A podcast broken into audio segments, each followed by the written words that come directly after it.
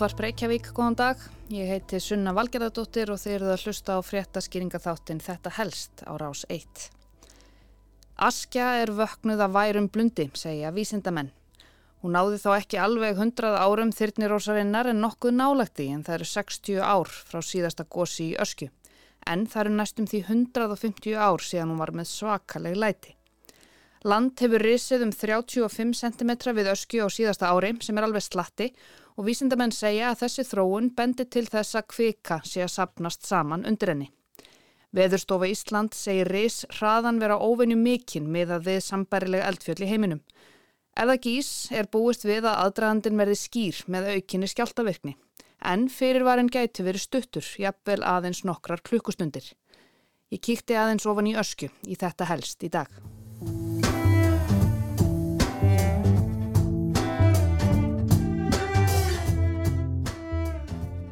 Um 30 km norður af Dingjujökli í Vatnajökli er megin eldstöðin Dingjufjöll sem rýs hæst í rúmlega 1500 metra hæði við sjávarmál eða 600 til 700 metra yfir hraun og sanda umhverfis.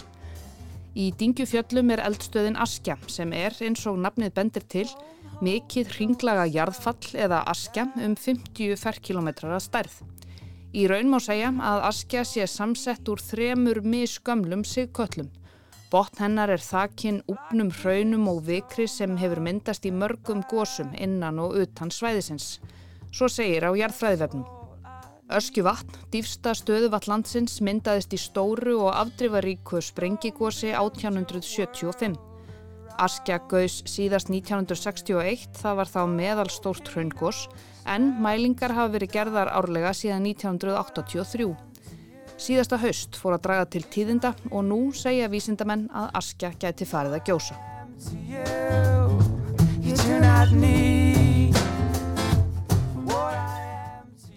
Askja er ein af dramatískari eldstöðunum sem við eigum og eigum við er nú margar dramatískar. Árið 1907 var sviplegt slis á öskjuvatni er þískir jarðfræðingar sem þar voru við rannsóknir druknuðu þegar að bátkæna sem þeir voru á sökk í djúpið. Minnisvarðið um þá félaga stendur á bökkum vatsins. Askja er friðlýst náttúruvætti enda óhætt að segja að stórbrotin náttúran og öræfa kyrðin láti engan ósnortin sem þar drepur niður fæti. Þetta er vinsæl ferðamannastaður enda náttúrufegurðin svakaleg og landverðir dvelja þar öll sumur. Ég skoðaði aðeins umfjöllun rúfum öskju eftir í tíman og þar er af nægu að taka. Meðal annars var síndur sjónvastáttur páskana 1975 þar sem Eður Guðnason rætti við prófessor Sigur Þórarinsson jarðfræðingu um ösku í tilefni að því að öld var þarna síðan að askja í raun myndaðist páskana árið 1875.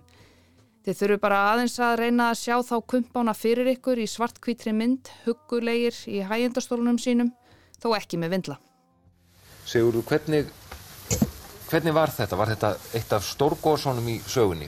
Já, það er óvægt að segja það. Þetta er mesta öskugós á Íslandi síðan Örafajökull eitti litla héræði 1362 og ég hygg að ekki, ég manni getur nema þremur stærri góðsum á síðustu hundrað árunum. Það var Krakatá, þetta mikla gós 1883 í Indonésiu sem er stæst, svo var gós í Alaska í fjalli sem heitir Katmai 1912 og svo var uh, þriðja gósið, það var austra Kamtsjatka núna 1956.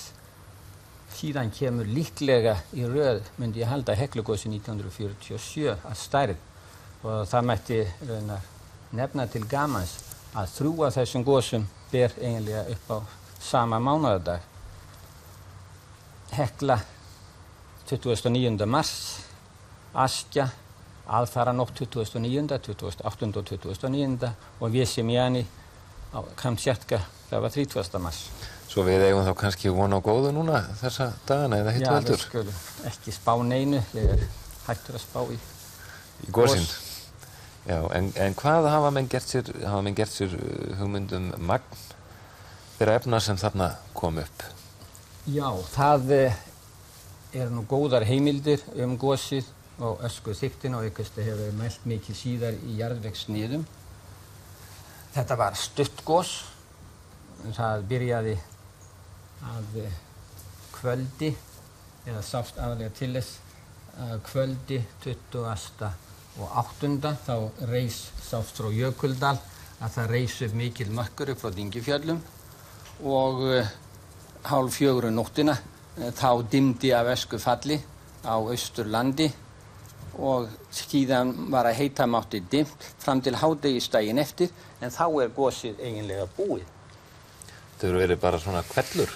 Og, já, það má segja það. Þetta var sprengigós, öskugós og varaði svona stutt og þess vegna er ösku geirin tiltölulega mjór. Vindur náði ekki að snúa mikið. Vindáttinn ofarlegur loftlögum sem bar öskuna, hún var frá vestri og þetta barst til austurs eins og sést á, á þessu korti. Það þekkur þessi ösku geiri, hann þekkur um tíunda hluta Íslandi. En þegar að byrjar að gjósa þarna var, var þetta ekkert búið að gera neitt bóða á undan sér? Allir heldur að þetta hefði komið mönnum alveg á, á óvart? Nei, það er nú ekki hægt að segja það að, að, og þó menn þekktu svo lítið til öskju, það kom eiginlega engir í öskju, ég veist um að eiginlega nokkur hefði verið þar nema Björn Gunnlaugsson og það er mjög lítið sem ferði þarna inn í ódáðarhraun en meir en ári fyrir gósið þá fór að aukast eh, mekkir, gufumekkir upp frá Dingjufjöllum sem við séum áður, það er leirkverða svæði þar og um áramótin 74-75 þá verða allmillar jarðskjáltaflæringar sem áttu næstum öruglega upptök í öskju og eh, mývetningar fara þarna á vettvang og eru þarna 16. februar 1875 og þá er söðaustast í öskju þá eru það miklir leirkverið, líklega eitthvað svipað að varða undan góðsum 1961. En síðan er kyrktarna verðist vera þangað til sem sagt að eh, kvöldi páskadagsins, 28. allt fyrir hafa lótt, já, að eh, þetta mikla öskugós skamvinna en geysilega mikla verður. Sögðu þeir Sigurður Þórarinsson jarðfræðingur og Eidur Guðnarsson sjónvarsmaður þarna um ösku og ösku gósið mikla. Spólum nú nokkur ár hratt fram í tíman nánar tiltekið 46 ár. Þann 9. apríl í fyrra, 2021, tók ég sjónvarsviðtal við Freystein Simundsson, jarðfræðing, einmitt um ösku. Þá voru hún aðeins færnar um skaneflega. Landris var þá hafið við eldstöðuna í Dingifjöllum sem vísindamenn telja merki um kvikumyndun. Þetta er skýr breyting á hegðun ösku, sagði Freystein í apríl í fyrra. Það er breyting á hegðun eldstöðunar. Askja hefur verið að síga, þrýstingur að minka og það er nánast sigsvæði sem hefur verið í miðri öskjunni og nú hefur verið viðsnúningur og það byrjaði að bæta í þrýsting. Líklegast að skýring á því er innflæði af kviku inn í rót eldstöðunar. Þetta gerist sjaldan en það er kannski svona Uh, meiri hluti svona atbyrða endar bara með því að kvika storknar neðanjarðar. Landrisið við öskju mælist um 5 cm á mánuði sem er fræðilega metið frekar mikill og það hófst í byrjun ágúst. Sömuleiðis hefur jarðskjáltavirkni aukist en hvað það þýðir verður að koma í ljós. Freysteinn segir gufubólstra og hækkandi jarðhitta hafa verið fyrirvara öskjugosa hér áður fyrr. Þannig að, að það er virt jarðhittakerfið þarna og kvikan kemst hugsanlega stundum í það að, að svona kinda undir jarðhættakerfinu þannig að það getur verið viðbótar upplýsingar sem koma. Þannig að nú þarf bara að fylgjast með. Eh, við erum mjög snemmið þessar atbyrðar á og, og, og eigum bara allavega að róleg held ég að það er bara, bara reyna að greina þetta risk hvernig það þróast. Tímaskalinn er vikur, mánuðir eða jafnvel ár þegar umbróta tímabil byrja. En hlutirnir geta líka breyst hratt eins og við þekkjum. Og við ætlum ekki láta það koma okkur á óvart. Og nú á þriðjudag, 27. júli, heyrðum við gamal kunna jarðfræðuröld í útvarpinu. Magnús Tumi Guðmundsson, professor í jarðeðlisfræði, sagði þá að ef landris við öskju haldi lengi áfram sér líklegt að þar verði eldgós. Landrisið mælist nú 35 cm og er miðja þess skamt vestan við öskjuvatn. Ef gís getur fyrirvarin verið skamur, jafnvel aðeins nokkra klukkustundir. Askja er svona vögnuð af þeim svefni sem hún búin að sofa lengst af síðustu 50-60 uh, árin.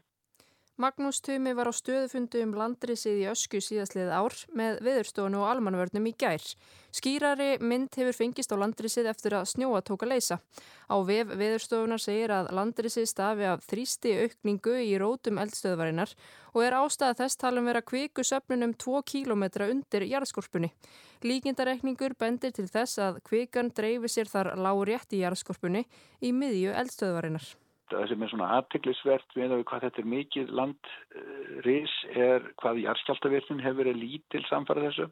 Og eh, sennilega er þetta, er þetta þannig að, að það askja þarf að taka við töluverðu áður en að það er komið eh, áður en fyrir að bresta og, og, og það kemur elgós sem að, þetta gæti enda þannig og það má kannski líka þessu við það vegna þess að þú hætti að vera landsig undan þarna áratöki að, að tankurinn sé svona hálf tómur. Það þarf bara tölverst að fara að koma inn á hann áður en að við kemum segja að brotmörgum sé náð.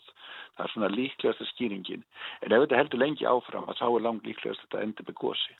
Ef gís er sprungugós í nær umkörfi öskunar líklegast. Sagði Holmfríður Dagni Fríðansdóttir fréttamaður sem tók þarna viðtalið við Magnús Tuma og svo fengum við að heyra fleiri kunnuglega rattir í vikunni um öskju.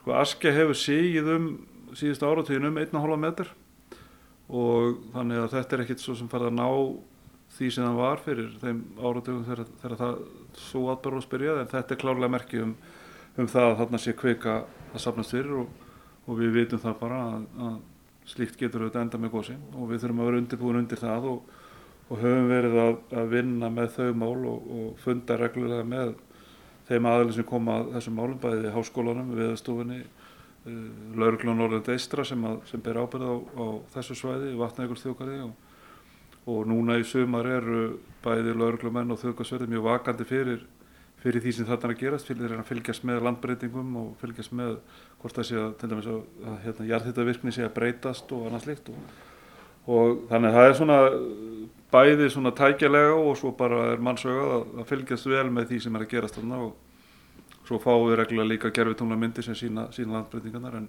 en það sem við erum að horfa á í svona tilfellum eru fyrst og fremst GPS-tækin og járskjáltanir og, og það er svona að segja okkur það að þessi, þessi atbyrðarás er í gangi og, og, og heldur áfram bara með svipnum hrað eins og við sáum hann í fyrra haust. Og það er svona það sem, að, það sem hefur síðan kallað á það að við höfum svona verið að fara yfir okkar áallanir, fara yfir hvað við erum að gera. Við erum að vinna á þessu svo kallar óvissust í almannavarna sem er svona bara aukinu vöktun og það er búið að fara yfir það við áttum rýmingar áallanir fyrir þetta svæði frá, frá horroreinskórsunu og, og höfum verið að, að fara yfir þær og sjá hvernig við getum nýtt þær í þetta. Búið að vera að laga fjarskiptarsamband og annað slíkt svona til þess að geta bröðist rætt við en eins og staðinu núna þá reiknum við með að við munum sjá sjá svona til lengri tíma frekari merki um gós áður en að, að það verður það við hefum ekki vonað í að gós hefist þarna án nokkus fyrirvara heldur munum við sjá þetta svona smá saman þróast og, og sjá kannski sterkari merki á þannig að við teljum að það sé þörfu á að fara að grípa til frekari aðgerð heldur en við höfum gert. En þú erum enn kannski í þeim stellingu þá núna að já, gós geti hafist bara allar næstu vikum eða eitthvað svoleiðis, auðvitað er þetta spá fram í tíman en menn sjá ég að það gæti bara farið að gjósa núna næstunni eitthvað. Jú, við getum ekki útlökað, það. Það er kannski ekki það sem við teljum líklegast, við teljum líklegast að við mættum að sjá svona landris í, í tölvöld langan tíma áður en til þess kemur, það, það, það geta alveg verið talið árum þessuna, en við getum ekki útlökað að atbróðsinn hérna, breytist mjög hratt og, og við förum að sjá, sjá hérna, mikla breytingar á stuttum tíma og við verðum þess að vera undirbúin til það og, og það er á þeim nótur sem við höfum notað veturinn til þess að, til þess að funda og fara yfir málinn og, og það eru það sem við erum að horfa fyrst og fremst þarna eru ferðamenn og, og svo hættar sem getur skapast í tengslu með það. Vísindamenn segja okkur það að, að lang líklegasta sviðsmyndir sem við þurfum að undirbúku fyrir séu svona hraungrósa frekar að minnigerðinni og við þekkjum, þekkjum slík góðsvorði nokkuð vel, Fimmurðuháls, uh, Reykjanessið núna senast og annað það sem við vitum að það er svona ekki kannski bráð hætta uh, sem að gerist og það, það, það, það er fyrst og fremst bara ferðamenn þarna en En það eru auðvitað að saga um sprenging og síorski og við þurfum líka að vera undirbúin undir að, að slíkt geti gerst.